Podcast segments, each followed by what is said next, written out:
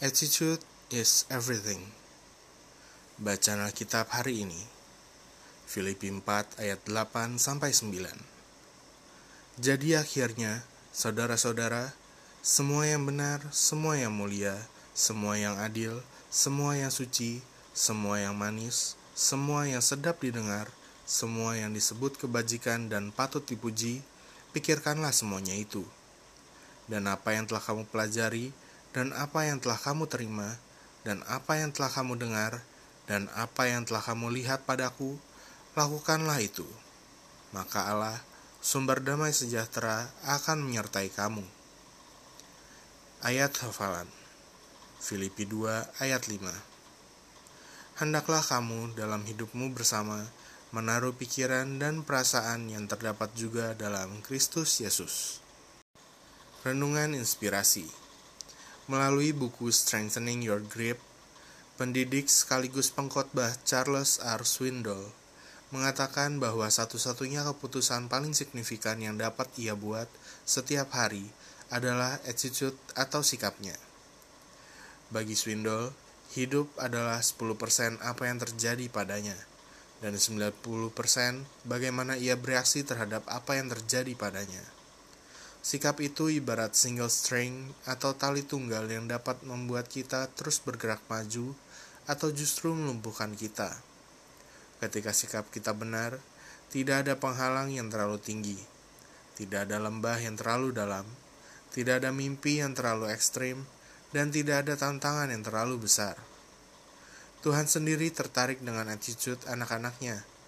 Firman Tuhan menginstruksikan kita untuk terus mengalami perubahan dalam pikiran dan perbuatan.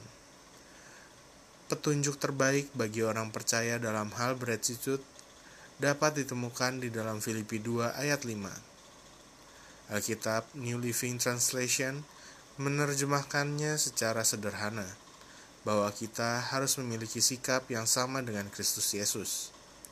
Kita tahu bahwa hidup yang dijalani Yesus di dunia bukanlah kehidupan yang mudah tapi kita juga tahu bahwa sikap yang Yesus tunjukkan atas setiap keadaan adalah sikap yang bajik. Sikapnya selalu mencerminkan kesabaran, kerendahan hati, kemurahan, dan belas kasih. Dengan sikap sedemikian rupa, tidak ada penghalang yang terlalu tinggi atau lembah yang terlalu dalam bagi Yesus untuk menggenapi tujuannya di dunia ini. Oleh karena itu, kita pun harus belajar menundukkan attitude kita di bawah firman Tuhan. Mengingat bahwa salah satu komponen utama attitude adalah perasaan, maka kita perlu belajar menguasai perasaan kita dan mengalihkannya pada pandangan Tuhan. Sebagaimana yang dikatakan Rasul Paulus, kami menawan segala pikiran dan menaklukkannya kepada Kristus.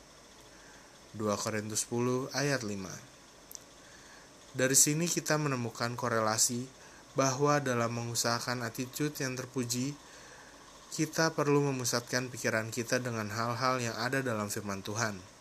Ketika kita mulai memikirkan hal-hal yang benar, hal-hal yang mulia, yang adil, yang manis, dan yang sedap didengar, maka demikianlah yang akan terpancar melalui attitude kita. Yang harus dilakukan Perbaiki attitude kita dengan cara belajarlah untuk menaruh dan mentaati firman Tuhan di atas perasaan dan pikiran kita. Disiplinkan diri untuk mulai memikirkan hal-hal yang terpuji. Refleksi diri. Pertama, bagaimana dengan attitude Anda? Gue ulangi, bagaimana dengan attitude Anda?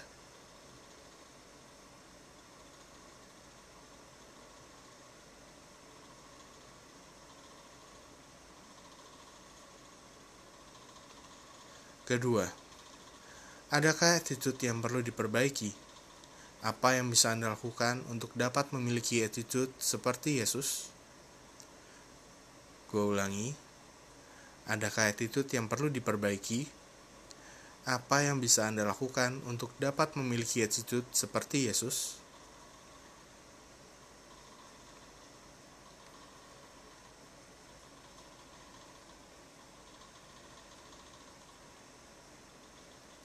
Hikmat hari ini The key to friendship with God, he said, is not changing what you do, but changing your attitude toward what you do. Rick Warren Kunci persahabatan dengan Tuhan, katanya, bukanlah mengubah apa yang Anda lakukan, tetapi mengubah sikap Anda terhadap apa yang Anda lakukan. Pokok doa Tuhan Yesus, terima kasih untuk teladan luar biasa yang kau berikan bagi kami. Memang benar, kehidupanmu selalu mencerminkan sikap-sikap yang bajik. Aku mau belajar bersikap sepertimu melalui firman yang kubaca setiap hari. Di dalam nama Yesus, aku berdoa. Amin.